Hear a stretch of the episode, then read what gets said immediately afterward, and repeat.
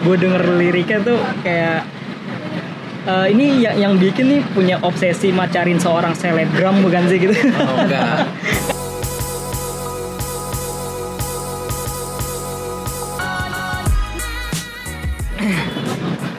Oke, ketemu lagi dengan gue Denny Gurem di podcast Ngobras di Jalan dan sekarang gue nggak sendirian pastinya. Wis. Tadi yang nyambut tuh. Dan eh, eh gue sekarang sama siapa nih sekarang? Coba dikenalin satu-satu. Atau mau bareng-bareng dulu? Oh, iya, bareng. Woi, dengan siapa nih gue kali ini? Kita dari Kane. Aduh, semangatnya. Oh iya. Kurang kurang semangat. aja. Oke, eh, gue sama Kane Ben. Yeay. Kane Ben ini pada gimana kabarnya nih? Baik, baik. baik. Baik, sehat. Sehat, sehat. Eh, sebelumnya perkenalan dulu satu-satu karena kita kan masih asing nih Kane Ben ini masih baru banget kan. Ya, mulai dari mana dulu nih Kane Ben? Saya vokalis dulu. Nah, siapa Oke, vokalis? eh, nama gue Rizky. Gue sebagai vokalis di Kane Band. Ah, Oke, terus ah, ini yang tadi dari Jepang nih. Saya saya Nama gue Asdai, gue dari drama Kane Band. Wih, rama-rama. Asdai nama nama panggilan atau? Nama panggilan sih. Oke. Nama aslinya Andika. Masih gue Andika. Bos, mantap. Ah, ini terus Eh, gue Erwin, gue sebagai gitaris. dan satu-satunya ini satu lagi nih siapa nih? Eh, gue Ari. Eh, di sini gue sebagai basisnya Kani. basis Kanebe. Nah hari ini sebenarnya eh, sebelumnya ada di podcast uh, ngobrol sejalan juga nih. Yes. Dan ini siapa yang jawab nih? Kenapa namanya pertanyaan paling mendasar? Kenapa namanya Kaneben? Oke, mungkin gue jawab ya. Oke. Eh, Kane itu sebenarnya ada dua arti. Ah, Arti yang sering kita pakai itu adalah se- sebenarnya simpel aja. ah, Kane itu kalau dibalik eh, katanya itu jadi enak. enak. Jadi enak. Terus tapi kalau dari dari singkatannya sebenarnya ada. Kane Oke. itu sebenarnya dari K, kalau K itu keinginan. A-nya itu ambisi, Hmm. N-nya itu naluri, E-nya itu emosi. Jadi musik itu kan uh, satu kita punya keinginan, punya Ah. ambisi bisa bisa apa ya? Bisa jadi bisa jadi inspirasi lah buat teman-teman yang lain atau buat pendengar. Dan kita juga punya uh, emosi kita di musik itu kita kita salurin di kane ini. gitu. Jadi jadi Ini, ya itu arti ah. arti sesungguhnya sih itu. Cuman kalau Filosofis sekali nih. Iya, kalau arti arti yang lebih simpelnya kane dibalik enak, Enak. aja. Jadi kita pengen Oh, oke. kane ini bisa diterima dan enak didengar orang. Oke. Dan ini lu semua pada kenal dari mana sih satu per satu nih personil atau memang dulu teman lama atau gimana? Kalau kalau temunya sih kita baru eh, di tahun ini ya. Oke. Eh, sebelumnya memang awalnya gue yang inisiatif untuk cari membernya, cari Ah, personilnya. Kalau Ari waktu itu kita ketemu di salah satu grup musik yang ada di Tangerang. Jadi karena waktu itu kita sering uh, ngobrol-ngobrol di grup itu, jadi akhirnya langsung gua uh, japri aja Ari. Maksudnya Ah. kita gua ajak dia ngeband, terus gua present uh, karya-karya mentahan gua. Terus dia oke gitu, uh, ayo kita jalan. Gitu. Terus kalau Erwin, gua memang sengaja cari di Instagram. Oke. Instagram akhirnya ketemu Erwin gua kontak waktu itu lagi di Bandung ya Win ya Iya. lagi di Bandung kebetulan nggak jauh nih masih di daerah Tangerang Selatan juga Oke. gitu jadi akhirnya pas dia balik dari Bandung baru kita ketemuan gitu. Oh tapi tapi lu semua base-nya memang dari Tangerang Selatan sih. kalau base-nya untuk tinggal sekarang memang kita di Tangerang Selatan cuman Ah. kalau uh, base masing-masing tinggal sih gue memang bukan asli dari Tangerang Oke. rantauan lah Rantauan, anak rantau. Kalau Asdai, Ah. Asdai sebenarnya member paling baru. Waktu itu dia, waktu itu sempet gua nge-bless juga di grup. Kita lagi butuh drummer karena sebelum Asdai ini kita punya drummer. Ah, Dia memutuskan untuk berhenti eh, karena satu anaknya baru lahir. Oh. Jadi dia mau fokus sama keluarganya. oh, oke. Jadi Asdai waktu itu eh, dia eh, WA gua terus dia present kalau misalnya dia eh, sebagai drummer gitu dan sudah Oh. main di Oke, tapi waktu itu masih kita keep dulu ya, teman-teman ya. Kita keep dulu karena waktu itu kita eh, jadwal kita kan Sabtu Minggu ya. Sabtu Minggu itu kita harus Iya. ada di Kane gitu. Karena kan Senin sampai Jumat kita kerja. Aktivitas seperti biasa. Nah, masalahnya Asdai ini kemarin itu dia sampai dengan saat ini Sabtu itu dia masih kerja ya itu jadi pertimbangan gue Ari dan Erwin gitu karena takutnya ntar pas hari Sabtu kita ada performa di manggung dia nggak bisa tapi akhirnya ya udah kita Sabtu kita ambil job di malam aja jadi dia tetap bisa main Oh, oke oke. Gimana deh? Ada yang ngomong deh? Nah, gimana tadi? Eh, gimana si bisa bisa bergabung nih teman-teman semuanya dari Kanengken? Eh, jadi kalau gue sendiri kan emang gue gua gabung ke dalam grup eh, pencarian personil di Tangerang Selatan lewat Facebook ya sosial media gitu. dan akhirnya kita ketemu nih Eh, lambat laun Ya. perjalanan kita ada event gitu loh. Ya. event yang kita tuh belum punya drummer karena drummer kita baru keluar kan. Maksudnya emang dia mengundurkan diri untuk fokus ke keluarganya gitu. Pada akhirnya kita bingung nih nyari nyari drummer siapa. Manggung udah tinggal besok waktunya bukan hitungan mingguan lagi gitu. Dan kita punya lima materi lagu kita bingung banget gitu. Pada akhirnya Gitu lagu sendiri atau? Ada ada kita bawa kita cover cover lagu orang Wah. juga sama lagu sendiri gitu. Terus kita udah nggak punya personil ya kita manggil eh, kameramen kita buat jadi drummer gitu. Kita tes dan belum bisa belum belum bisa apa ya mewakilin dari Kane lah gitu. Loh Terus kita bingung Eh, pada akhirnya Hamin satu kita bingung banget kita udah mau perform di jam 2 kita masih jam 8 pagi kita masih bingung jadi drummer padahal jam 2 kita udah, udah harus tampil gitu di, di, di daerah mana ya? Eko Plaza ya? Citra Raya ya? Iya dan akhirnya si Rizky punya inisiatif. Oh dulu ada nih yang ingin join namanya eh, Asdai. Gitu. terus ya udah coba lo kontak si Asdai dulu. Gitu. ternyata si Asdai itu lagi mau berangkat kerja di pagi hari gitu. itu, Dan- itu lu manggungnya sorenya tadi? manggungnya gue jam 2 jadi jam 8 kita belum dapat drummer gitu. Jam 8 pagi kita belum dapat drummer. Oh. dan kita udah ngumpul nih udah siap tapi kita belum punya drummer gitu. Dan eh, kebetulan kameramen gue bilang oh gue tetap megang kamera deh gue tetap nggak mau jadi drummer gitu. Ya udah. Terus akhirnya si Rizky kontak si Asdai Asdai lagi berangkat kerja di telepon bukan dipaksa sih tapi lo mau nggak eh, tampil sekarang jam 2 kita punya materi 5 lagu Eh, terus si Asdai oke oke aja dia gitu loh. Gue masih pesimis sih karena pengalaman pengalaman buat gue eh, prepare harus punya prepare gitu loh ketika kita Iya, manggung. ah.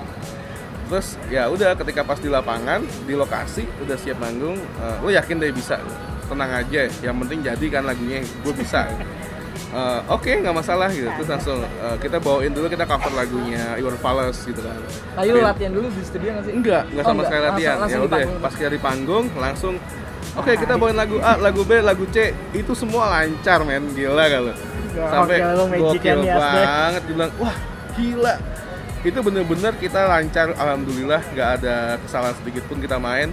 Setelah kita turun dari panggung gila, wah lo gila lo deh, akhirnya bisa juga. Itu gue juga belum kenal si Asday, belum kenal sama sekali. Eh, halo nama gue Asday, jadi belum pernah gue. Gitu. Oh, yang kenal baru si Rizky doang. Iya, pas de, baru ketemu dia. lu taunya dia gimana? WhatsApp dari WhatsApp. Oh. Jadi dia ngontek gue, dia ngajuin diri untuk jadi drummer. Waktu itu belum kita terima karena pertimbangannya Sabtu dia kerja. Sedangkan kita kan takutnya ada Sabtu manggung pagi, nggak bisa, dia nggak bisa. Tapi setelah setelah eh, mentok banget gak ada drummer, terpaksa as the day as the day gue telepon dan waktu gue telepon tuh dia ternyata lagi di motor mau berangkat kerja Akhirnya dia balik langsung, kan. lang- langsung belok deh. akhirnya dia balik kanan rumah kan. Akhirnya dia balik kanan akhirnya langsung meluncur pertama datang langsung dikasih baju sama hari Itu ini apa endorse ya? Endorse bukan? Endorse. Dikasih baju dengan Bang Ari. karena, karena kemarin eh, pas di satu bulan kita ada endorsan eh, kontrak satu bulan sama Highlanders jadi kebetulan gue nyiapin kaos eh, buat sponsor kan. Ya udah si Asli masih pakai baju pabrik gitu tuh eh, mau manggung. Akhirnya udah pakai baju gue nih pakai kaos gue ada endorsan wah ya udah syukur deh. Itu juga belum punya stigram jadi dia nggak ada stigram akhirnya kita jalan beli stigram dulu. Aduh lucu banget. Pas mendadak kayak gitu. Bang Rizky bilang apa ini lagu-lagu yang mau dibawain? Dan itu untung untungnya aja yang udah pernah biasa gue bawain juga bang. Jadi nggak kagok lagi. Udah biasa bawain udah tak kalem-kalem aja. Jadi buat kita adalah anugerah ya dari situ. Panggung kita selesai kelar ya udah abis ini kita konsepin dengan matang Kane setelah manggung ini. Jadi akhirnya kita resmikan si Asdai menjadi drummernya Kane Eh, biasanya kalau eh, orang ngeband gitu ya orang ngeband kan biasanya eh, langsung ada tuh karena memang lingkungan pergaulan jadi kayak eh, lu main nama si ini si ini main nama ini ya ngumpul nggak sengaja bikin band ya kalau Kane ini beda ya jadi Kane ini memang terkonsep dari awal Yes. kita pengen punya band gitu Iya, punya jadi kalau kan ini bukan pertemuan yang nggak nggak disengaja, jadi Oh, justru oke. pertemuan yang disengaja. Gitu. Iya, jadi iya. gua dan teman-teman memang uh, komitmen untuk ngebangun kan ini dari nol sampai ya mudah-mudahan nanti bisa bisa jadi uh, dinikmati lah karya-karya Kane sama masyarakat itu aja sih harapannya. Terus eh, so far Kane udah udah sampai mana nih kayak manggung di mana-mana gitu karena yang gue lihat gue temenan sama Ari nih di sosial media. Nah ini kayaknya masif banget nih promosi si Kane manggung di ini di sini nih. Ini kata gue baru masuk tiba-tiba udah banyak banget nih jatuh. nih ini gimana nih sebenarnya? Uh, kalau kalau aktivitas kita sih kemarin sebelum bulan puasa kita memang sempet jadi opening performernya Padi, Naif, Oke. sama Om PMR ya. Waktu itu Oh, di Naif. acara uh, Karnival Tangsel ya. Hmm, Dari situ kita juga banyak perform manggung-manggung, contohnya di Pasar Minggu, di Citra Raya, dan perform-perform di mall-mall gitu. hmm. Uh, sempat uh, bulan puasa kemarin kita tetap ambil job juga sih, tapi kita cuma Oke. ambil job dua panggung doang sih. Jadi setelah itu kita mutusin untuk break karena ya satu kita sama-sama mudik gitu, jadi Iya. kita ya break aja dulu gitu. Ah, terus eh, dari dari pengalaman lu semua ini kira-kira di Kane ini udah udah ada eh, lagu yang keluar atau udah sebenarnya udah ngeluarin album atau gimana nih? sebenarnya kalau konsep dari kalian sendiri kita punya beberapa stok lagu yang udah kita siapkan gitu. Hmm. tapi kita tidak semuanya kita publish dulu karena Oke. memang kita melihat pasar juga kita juga lagi nyari banyak eh, audiens yang minat nggak sih sama lagu kita jadi kita mencoba untuk mengeluarkan satu lagu dulu gitu Mhm. dan kita juga udah voting la- satu lagu yang benar-benar kita pengen bawain di tahun ini gitu. Jadi kita punya target satu tahun satu lagu gitu loh. Dan itu juga kita pemasarannya juga tidak seperti ya mungkin kalau kita lihat dari dari band-band dulu ya mungkin pemasarannya kan eh, kita bikin album terus akhirnya kita manggung segala macam. Kalau kita sistemnya udah udah beda lagi ya. Di tahun-tahun ini kan kalau kita emang satu lagu kita konsepin kita bikin video lirik kita bikin banyak eh, banyak eh, apa namanya sistem yang kita buat supaya fans juga banyak fasilitas yang dinikmatin. Contohnya kayak ada karaoke-nya ada video klip gitu. Macam-macam yang nantinya kita akan buat di satu lagu gitu. Jadi kita benar-benar terkonsep lagu. Jadi nggak nggak langsung bikin satu album gitu. Kayak gitu sih. Nah, yang yang udah keluar lagu apa nih, Ri? Eh, nah, untuk, tahun Kanabian. untuk tahun ini sih kita lagi lagi keluarin judulnya bukan ratu. Oke, bukan Hmm, ratu. itu itu debut lagu pertama single kita pertama yang mau kita la- launching untuk Ah. tahun ini Nah, ini bukan ratu yang nyiptain bareng-bareng atau siapa? oh bukan yang yang main Rizky Oh, eh, gimana Ki? Ada cerita di balik bukan ratu nggak? Gimana ya? Sebenarnya bukan ratu ini adalah lagu yang bercerita tentang uh, perasaan kesel seorang cowok Hmm. yang ngeliat uh, ada satu cewek yang yang yang sombong banget Hmm. yang di mana cewek itu diperebutkan sama banyak orang Oke. sampai memperebutkan itu sampai uh, sampai bentrok lah sampai Ah. clash lah gitu. Jadi si si cowok ini merasa uh, apa ya kayaknya kesel aja gitu. Lu itu si lu itu cuma sekedar cewek lo gitu loh. Lu memang cantik tapi nggak usah seperti itu. Dan dan jangan jangan ngerendahin cowok-cowok yang yang yang apa yang intens ngedeketin lu gitu loh. Maksudnya jangan sombong deh jangan belagu. Karena lu itu bukan siapa-siapa gitu. Lu itu uh, ya bukan ratu Iya, gue Bukan ratu, jadi- gue jadi- gue pas gue dapat dapat ini dari Ari kan apa namanya sneak peek dari lagunya. Iya. Pas gue denger lagunya memang enak untuk didengerin terus eh, dari gue lihat gue denger liriknya tuh kayak eh, ini yang yang bikin nih punya obsesi macarin seorang selebgram bukan sih gitu. Oh, enggak. Karena dari, dari eh, kayak kesel nih semua orang pada si cewek ini kayak nebar pesona Iya. gitu ke semua cowok gitu. Iya, atau jadi- memang dari salah satu lu semua ini ada yang punya istri atau eh, pacar seorang influencer, selebgram, atau itu. jadi sebenarnya si si si cowok dalam lagu ini dia itu merasa dia itu mampu untuk ngedapetin cewek itu jadi intinya cewek itu jangan belagu deh gitu Iya. kalau gue yang deketin lu lu kenal lu dapet sama gue gitu maksudnya si cowok itu ntar ah, gimana ya intinya jangan belagu gitu loh Ah. pasti di antara cowok itu ada yang bisa yang dapetin lu Oke. Dan apa namanya? Proses dari kalian nge-create lagu itu si apa si Bukan Ratu itu kayak gimana? Karena di Bukan Ratu itu pas gue dengerin memang ada eh, ini sudut pandangnya beda gitu. Kalau misalnya yang lain kayak gua sayang sama lu, gua cinta sama lu kayak gitu untuk pasangan, ini tuh kayak eh, memang ungkapan kalau dari gue ya kekesalan gue ngelihat di Instagram lah atau di sosial media lain yang ini perempuan kayak kok selebgram gini-gini banget nih. Ya jadi kayak belagu banget gitu ya. Ya itu makanya itu kena terus uh, lu bikin liriknya tuh kayak ada berani kayak ada nakal kayak di refnya gitu kayak Ya. lu denger gitu. Nah, ini gimana uh, prosesnya sampai benar kayak ah gua gua ambil putusan udah lah ambil lirik yang uh, yang menjamahmu gitu gitu lah oke kalau dari karena nggak biasa nih Jahat lirik ya, kayak jahat gitu ya. ya lumayan jahat lumayan jahat ya. lumayan nakal gitu Kalau kalau kalau di, kalau dilihat orang tiba-tiba menjamau anjir, dia kan nakal banget, nakal banget tuh cowok tuh jahat banget ya. Ini kayak, kayak pengen nunjukin kayak apa? Nunjukin sesuatu gitu dari si Iya. cowok kekesalan sama teman-teman gitu.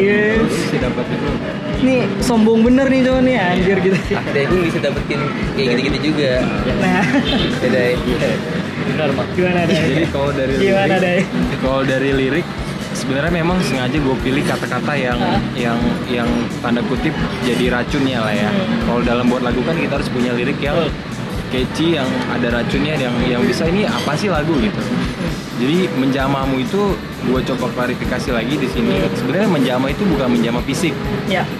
yang gue maksud dalam itu adalah menjama hatinya gitu Nah, menjama hatinya yang jadi ini. Ini dia. jadi bukan karena banyak juga sih yang masuk komen gua lagu lu kok terlalu vulgar sih gitu Nah, jadi, jadi, jadi bias. iya terlalu vulgar ya gue capek juga sih ngejelasin maksudnya Ah. yang yang dijamah itu adalah hatinya Ah. bukan fisiknya gitu Kalau Ah. fisiknya kan ya mungkin di lagu itu nggak dijelaskan secara langsung menjamah hati gitu ya Iya. cuman yang gue maksud di lagu itu lah Nah, yang itulah. dijamah itu hati itu memang emang kekuatan dari sebuah lagu Yes. yang memang ada. kalau hatinya udah dapet kan kita bisa dapet apa aja cintanya, gitu Cintanya. maksudnya bener nggak bener nggak kan kayak lagunya relasi juga ya sebelum dia dari hatinya gitu. Iya, benar. Jangan seperti yang lainnya gitu kan. jadi Terus eh, ada ada satu single baru lagi yang gua baca eh, judulnya Sesal. Nah itu barengan gak sih yang apa keluarnya atau memang eh, satu-satu yang mau kalian keluarin gitu atau gimana? Sesal kayaknya buat next gitu ya. Awal tahun. Iya, di awal tahun mungkin. Ya, sekarang sekarang lebih fokus masih fokus sendiri lah. Iya. Sekarang lebih fokus ke bukan ratu dulu kayaknya. Oke. Sehabis dipublish itu baru kita sesal gitu ya. Iya, kesel abis itu nyesel gitu kan. Aduh, kesel banget. Ya, mungkin ya, mudah-mudahan kita nggak nyesel juga ya kan. Ya, sebenarnya kita udah punya banyak master lagu Ah. yang udah kita tag itu udah banyak. Cuman kemarin hasil meeting sama teman-teman tahun ini fokus kita akan rilis di eh, bukan ratu dulu. Di bukan ratu dulu, bukan ratu kita akan lihat dulu nih nanti feedbacknya kayak mana gitu loh. Kalau feedbacknya udah oke, mungkin di awal tahun atau akhir tahun nanti kita akan rilis di eh, sesal lagu sesal. Jadi fokus kita adalah dari bulan Juli ini sampai Desember kita akan promo bukan ratu dulu. Itu dulu sih. Terus eh, kayak eh, ini ini industri beda kayak dari misalnya 15 tahun yang lalu gitu ya. Nah, dulu tuh kayak lu baru punya band lu pusing tuh nyari uh, label rekaman, nawarin demo, demo berapa lagu berapa lagu. Nah kalau sekarang kan rantai itu udah keputus tuh, maksudnya lu nggak harus pusing-pusing nyari label rekaman dan uh, era teknologi internet juga udah sangat membantu banget kan. Nah terus uh, tantangan tantangan kayak gitu tuh sedikit demi sedikit udah mulai keputus tuh. Nah dari dari kalian sendiri dari Kaneben itu tantangan yang sekarang tuh yang terbaru kayak apa yang yang bakalan dihadapi ke depan yang atau yang lagi dihadapi?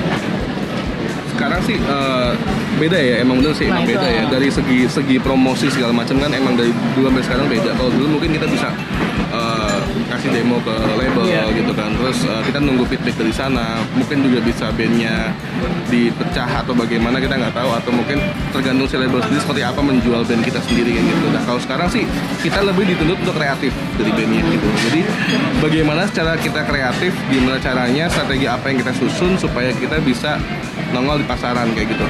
Strategi sih kita udah siapkan karena emang kita ngelihat dari segi audiens juga kan penikmat apa ya kayak kalangan milenial sekarang kan memanfaatkan teknologi sosial media ya untuk promosi. Kita juga gencar-gencarnya banget di sosial media. Kita juga punya Facebook, kita punya uh, Instagram, uh, kita juga ada YouTube, kita juga ada vlogs di di band supaya nantinya uh, orang penikmat Ken Kane juga uh, bisa lihat oh aktivitas di YouTube seperti apa, latihannya kayak gimana kayak gitu-gitu.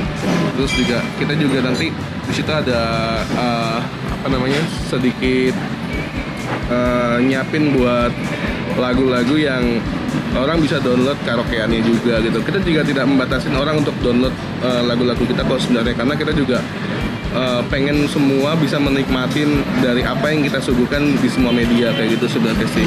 Jadi gitu. Jadi strateginya sebenarnya kita mau bikin lagu nanti kita mau bikin min- mini album ya.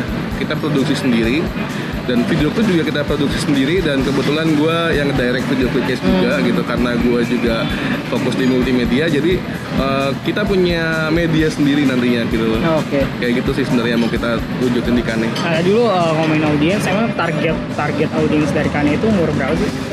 semua kalangan sih sebenarnya. Gue gua gua berharap sih semua bisa menikmatin karena gini kalau kalau kita mengkonsep dari Kane sendiri eh, lagunya tuh tidak hanya cinta tapi kita bisa ngangkat sosial gitu.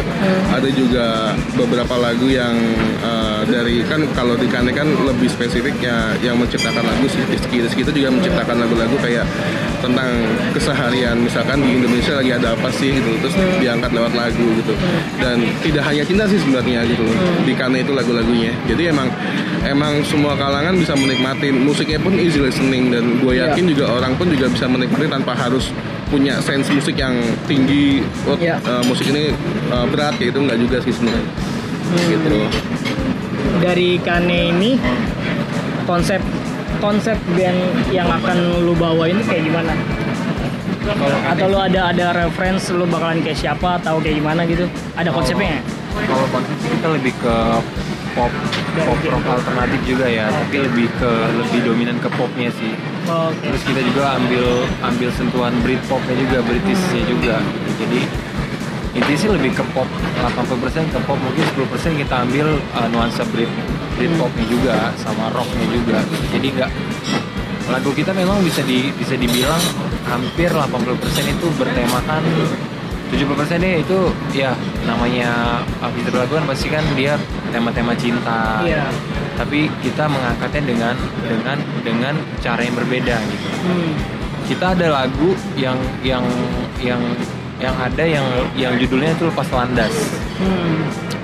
jadi lepas landas itu kalau orang dengar kok judulnya lepas landas gitu ya itu sebenarnya temanya cinta cuman kita angkat dengan dengan cara yang beda gitu Uh, lu kalau ngeliat kan ada ada fenomena misalkan uh, artis A lagunya yang di cover sama banyak banget sama youtubers gitu ya. Terus uh, videonya mereka mon- monetize. Terus uh, si artis ini juga kebanyakan gua gua nggak tahu mereka dapat um, royalti semacam royalti atau enggak gitu. Um, akhirnya yang ujung-ujungnya yang yang yang, yang komersil itu yang laku tuh malah si artis yang cover. Nah ini yang fenomena fenomena yang kayak gini-gini nih lu sendiri nanggepinnya gimana sih? Ada yang mau jawab? kalau menurut gua yang kayak seperti itu Gimana deh? nah ya kalau menurut gua emang rata-rata yang yang sukses itu yang dari toko yang cover ini itu bang Ah ya. Nah itu kalau misalkan uh, ntar ini setelah single keluar meledak banyak yang cover, uh, yang yang cover lagunya banyak, tapi yang yang naik malah yang naik ke permukaan malah orang-orang yang cover itu kan si Oh, kan itu sih. gimana? kita nggak ngebatasin ya Ah. tapi kalau memang covernya itu mau dikomersilkan itu pasti akan jadi masalah Ah, pasti akan kita eh, akan kita batasin cuman Oke. kalau untuk cover sekedar di sosial media aja itu nggak masalah cuman kalau dia cover itu dikomersilkan itu harus izin dulu dari kita Oh, Oke. Gimana Ri, menurut lu Ri? Menurut gue sih kalau kalau kita bilang cover ya, karena kan semua kalangan musisi itu kan kreatif ya. Iya. Dia bisa menciptakan sesuatu yang berbeda dari lagu-lagu yang sudah ada gitu. Iya. Buat gue sebenarnya nggak masalah. Kenapa? Karena untuk dari si pencipta lagu sendiri juga mendapatkan feedback dari apresiasi ya. Kalau gue sih apresiasi Iya. dari dari musisi-musisi lainnya gitu, ya kan. Hmm. Dan dari musisi itu sendiri dia punya punya keinginan untuk menaikkan derajatnya supaya bisa terkenal gitu loh. Dengan mengcover lagunya siapa kayak gitu. Buat gue sih itu nggak masalah. Itu namanya saling ka- kalau gue bilang ada ada tolong menolongnya kayak gitu loh. Katakanlah misalkan gue seneng banget eh, band Silaun Seven kayak gitu. Gue mengcover lagu Silaun Seven gitu karena gue ngefans banget sama Silaun Seven. Dan mungkin dari Silaun Seven sendiri ketika pas gue cover gitu loh ada beberapa orang yang berarti berarti feedbacknya adalah semua orang menikmati musiknya kayak gitu loh. Kayak gitu. Kalau gue sih buat gue sih untuk mengcover sebuah lagu tuh nggak masalah gitu. Nggak ada batasannya. Buat gue kayak gitu. Apalagi dibilang YouTube YouTube itu bebas gitu. Dan kalau gue bilang ketika ada segala macam tuntutan mungkin kalau ada sistem yang eh, itu nantinya bisa eh, ada ada niat ya niat untuk untuk jadikan duit ya gitu. Itu mungkin baru bisa ada kontrak tertentu yang pasti pasti akan ada kedua belah pihak kayak gitu sih. Ya karena lu, lu pasti sering lihat ya, misal uh, youtuber mana gitu nge-cover Hmm. lagu seseorang tapi justru malah videonya dimonetize.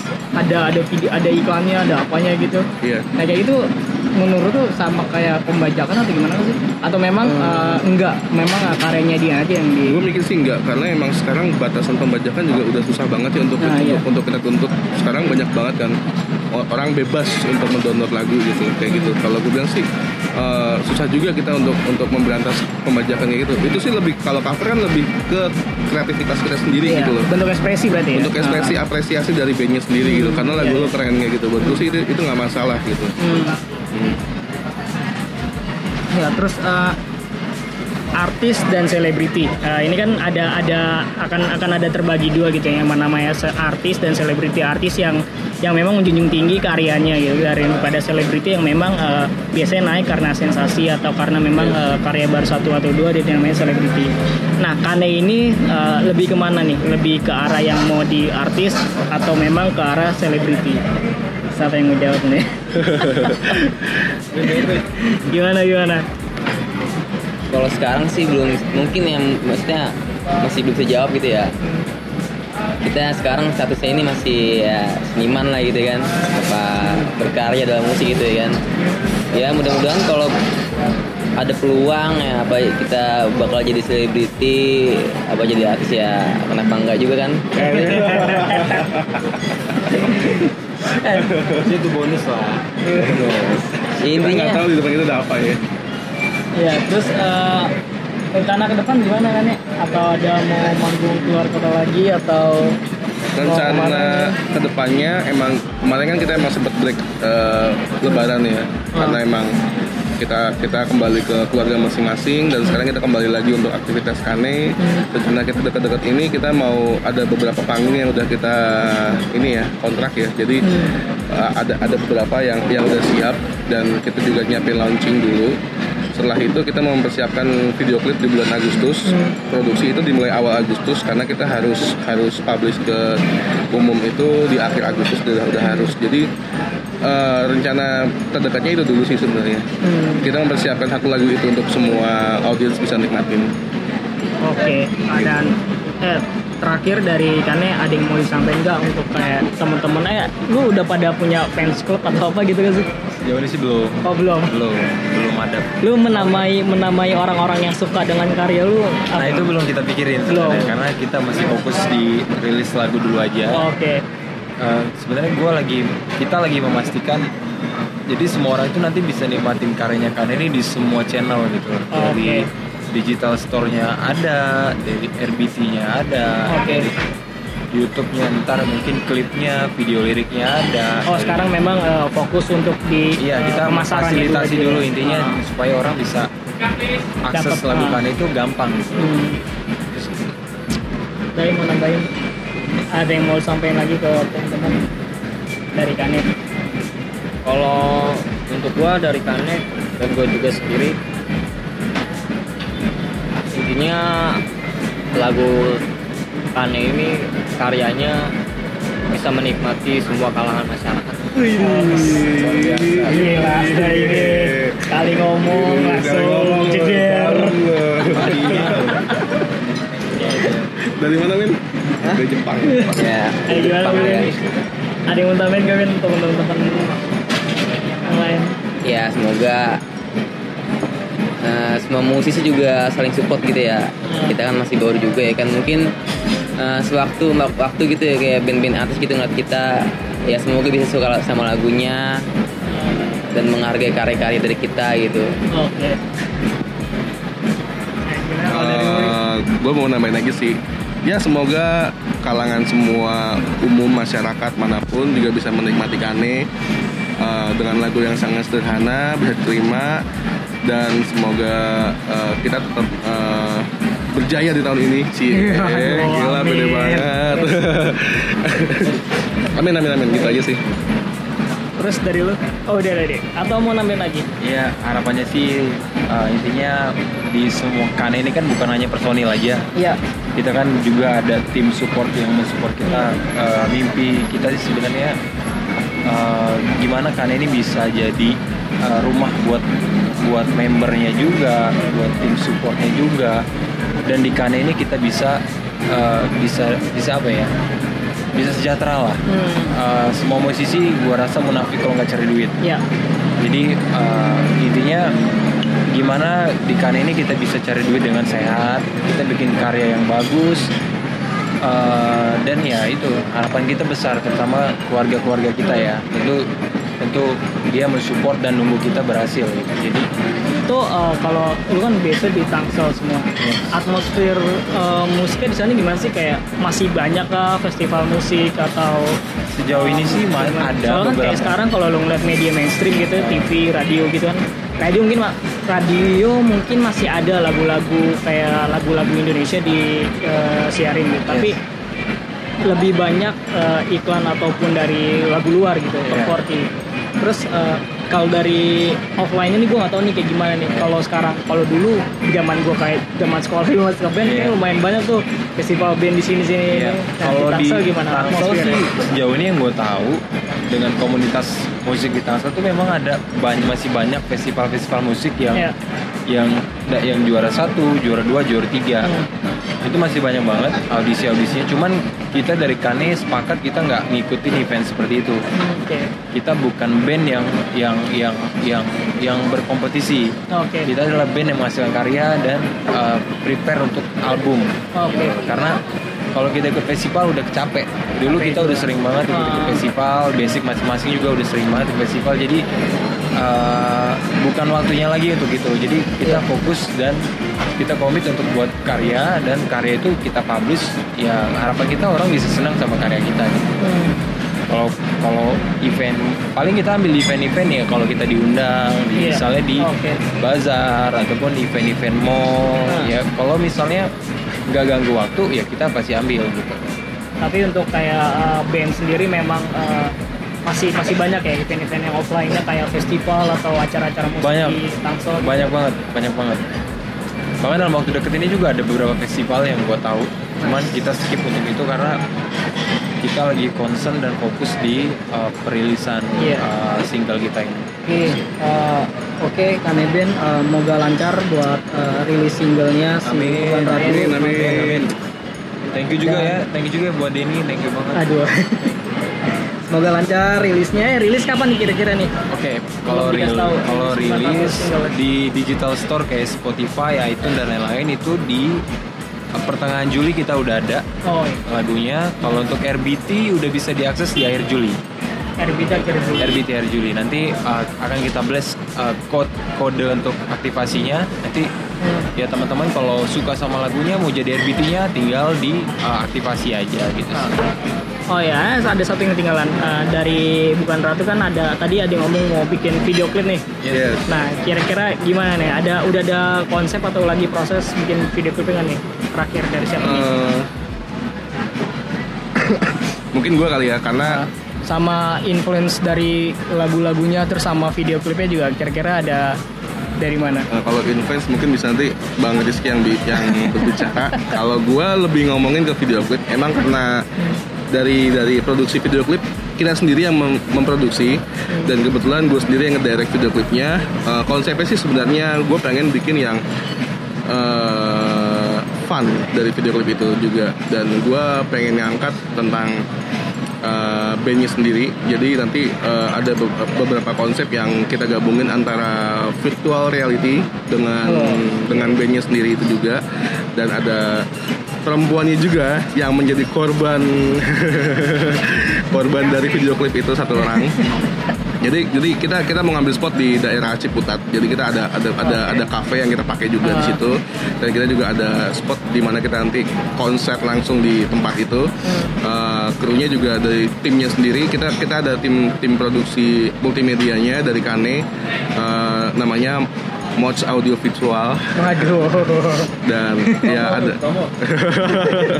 dan itu juga eh, secara langsung kita ambil alih eh, semua konsep kita ambil eh, secara matang. Dan itu di- di- dilakukan di awal Agustus rencananya gitu. Dan artisnya pun juga ya kita ngambil yang yang nggak begitu ter- terkenal. Cuman konsep me- konsepnya kena ya. Jadi berarti artisnya me- eh, pas banget sama konsepnya gitu loh. Masih dirahasiakan sih siapa namanya cuman nanti pasti pasti seru banget deh Eh, melibatkan semua orang eh, apa ya melibatkan semua komunitas musisi Tangerang juga nanti di situ juga ada. Nice. kayak gitu. Oke, eh, tadi untuk untuk influence, untuk influence musik, kan ini berangkat dari mana? Karena kan tadi bilangnya pop, eh, ada alternatif rock, kayak gitu. Kalau influence sih, kalau influence kan kita uh, punya basic masing-masing ya. Hmm. Kalau gue pribadi sih, influence gue adalah gue sangat suka dengan Bon Jovi. Oke, Bon Jovi. Bon Jovi, Coldplay, Hmm. tapi spesial gue paling paling sering dengar Bon Jovi, uh, MLTR, Oke. Brand Adams, Hmm. itu gue dengerin hampir setiap hari. Tapi yang lebih sering gue denger Bon Jovi. Kenapa Bon Jovi? Bon Jovi dari sisi musiknya dia bisa ngikutin tren dan Hmm. uh, musik-musiknya juga uh, berkualitas menurut gue Iya. sangat easy listening. Bukan hanya itu, gue ngelihat dari uh, karena gue pernah baca beberapa, gue punya biografi ya uh, Bon Jovi ya beberapa Iya. buku. Jadi gue di situ belajar dia punya manajemen yang bagus sampai bandnya masih masih konser sampai dengan Iya, sekarang masih. masih keluarin album. Kalau nggak salah album sekarang tuh di di South is Not for Sale kalau nggak salah album terbarunya. Dan mereka masih tour gitu. Loh jadi walaupun umurnya udah tua tapi semangat bermusiknya itu masih ada. Nah itu sih yang mau gua secara pribadi terapin di di band ini. Gitu sih. Nah, kalau lu gimana, Dai? Ada eh, alasan lu untuk ber, alasan lu bermain musik tuh karena apa? Influence lu. influence kalau influence gua gua emang suka musik itu zaman dari jam zaman sekolah bang ya. Eh, zaman SMP pada awalnya sih cuma pengen iseng-iseng aja. Zaman SMP ada eskul kegiatan eskul dan itu gue pertama kali belajar main drum lagu pas band Wah, pas. Boleh. Kamu dong ngomong Sandi. lagu jengah Iya, iya, iya, iya. itu lagu wajib Itu kayak lagu-lagu wajib Iya, musik lagu gitu. wajib dah. itu asli gue atau tidak bang gue cuma ngeliat permainan temen gue ya kan dan Jadi, jadi terinfluence sama pas band iya kasih Musik musik musik lu semuanya dari pas band. ah, enggak kalau Oh, itu enggak, apalagi yang band band-band itu yang kan lu anak pemain drum tapi kalau untuk influence gua kalau untuk di Indonesia gue lebih suka Noah. Waduh, Noah. tapi kalau untuk untuk di band luar negeri ya sama sih nggak jauh dari Bang Rizky. Eh, ke Coldplay, Bon Jovi, MLTR, The Calling, eh, uh, Creeds tapi influence gue lebih ke Ultra Beats bang. Oke, oke, oke. Meles Kennedy Ini Jepangnya nggak ada nih, nggak tahu dari Jepang. Ini lagi nyaru aja dia. Waduh. Merah ada gigi. Agak ke Ah, dari- agak dari- korut dikit lah. Dari lu gimana, Win? Kalau gua dulu tuh influence gua dulu baru pertama suka gitar gitu ya. Maksudnya ada rasa pengen ah jadi gitaris nih. Dulu suka sama Metallica tuh gitarisnya Kick Hammett gitu kan. Oh ya. Nah pertama mulai itu emang sering ngulik lagu Metallica gitu kan. Ya, karena suka gitu sama gitarisnya gitu kan. Iya. nah mulai-mulai jalan waktu kan eh pengen nih pengen ngedalamin musik. Terus ada kan tuh influence influence yang berbeda-beda kan gitu kan. Ya sama dah kayak gitaris yang lain gitu kayak Jo Satriani gitu ya kan Paul Gilbert apa Steve Vai gitu ya kan. Ya mungkin belajarnya dari situ ngedalaminnya banyak sih. Ah, gitu. ya perjalanannya panjang juga sampai ke Kane gini kan emang be- kalau basic mah emang rock gitu kan ya Iya. Jadi influence lu dari kebayang dari Mr. Big enggak? Mr. Big juga Mr. Wah. Big Metallica gitu kan Terus sebenarnya rock banget. tapi tiba-tiba main ke pop kayak gini bukan berarti mut ah murtad gitu ya kan maksudnya enggak. pindah aliran gitu Lu uh, Lale Malik Essential juga asli kan nggak nggak main lagu-lagu Jay-Z kayak gitu ya. iya ini kalau misalnya yang sekarang ini sampai main pop gini ya sebenarnya sih enggak ya jadi kita kan masing-masing beda nih kan jadi Nah, satu gitu kan Jadi jadi warna tersendiri. Nah, dalam itu. Lo gimana Ri? Apa Kalau- ini yang kalau influence dari gue- lu main musik? Eh, karena gue anak tahun 90-an Waduh. dan gue menikmati musik-musik Indonesia waktu itu waktu gue Muda sekali ya, Rik. iya muda sekali gue waktu gue apa namanya lahir gitu Eh, uh, Michael Rance to Rock gue suka. Kalau sekarang gue lagi seneng-seneng lagunya Jepang kayak Asian Kung Fu Generation gue lagi ngikutin banget. Terus kalau Indonesia gue tetap lagi suka Silaun Seven karena gue besar dari lagu itu juga kebanyakan Oke. gitu. Terus kalau uh, basis-basis ya gue dengerin lagu kayak Abraham Lab- Laboreo juga uh, umurnya 70 tapi masih main bassnya keren banget itu gue suka ngikutin uh, karena gue suka main bass kayak main jazz gitu jadi ya sampai saat ini gue influence-nya ke situ juga sih Oke. Iya oke. Oke, thanks banget Kane. Udah mau ngisi waktu dan Jangan kapok ya. Oke, sukses buat Kane dan uh, ya uh, apa lagi ya? Gue bingung lagi mau nanya apa lagi. Udah, udah so ya. Ya udah. Kita eh,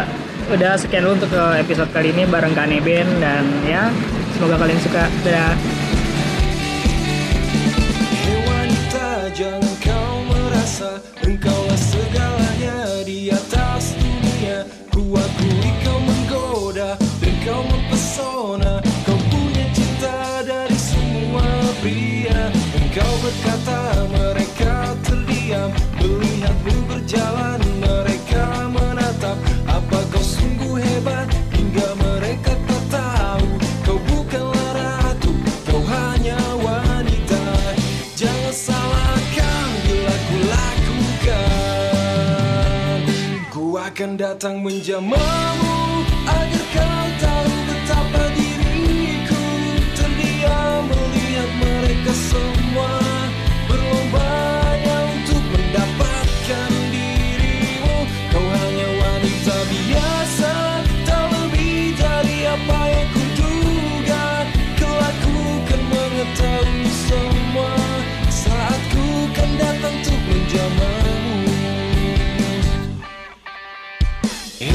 wanita jangan kau merasa Engkaulah segalanya di atas dunia. Ku akui kau menggoda dan kau mempesona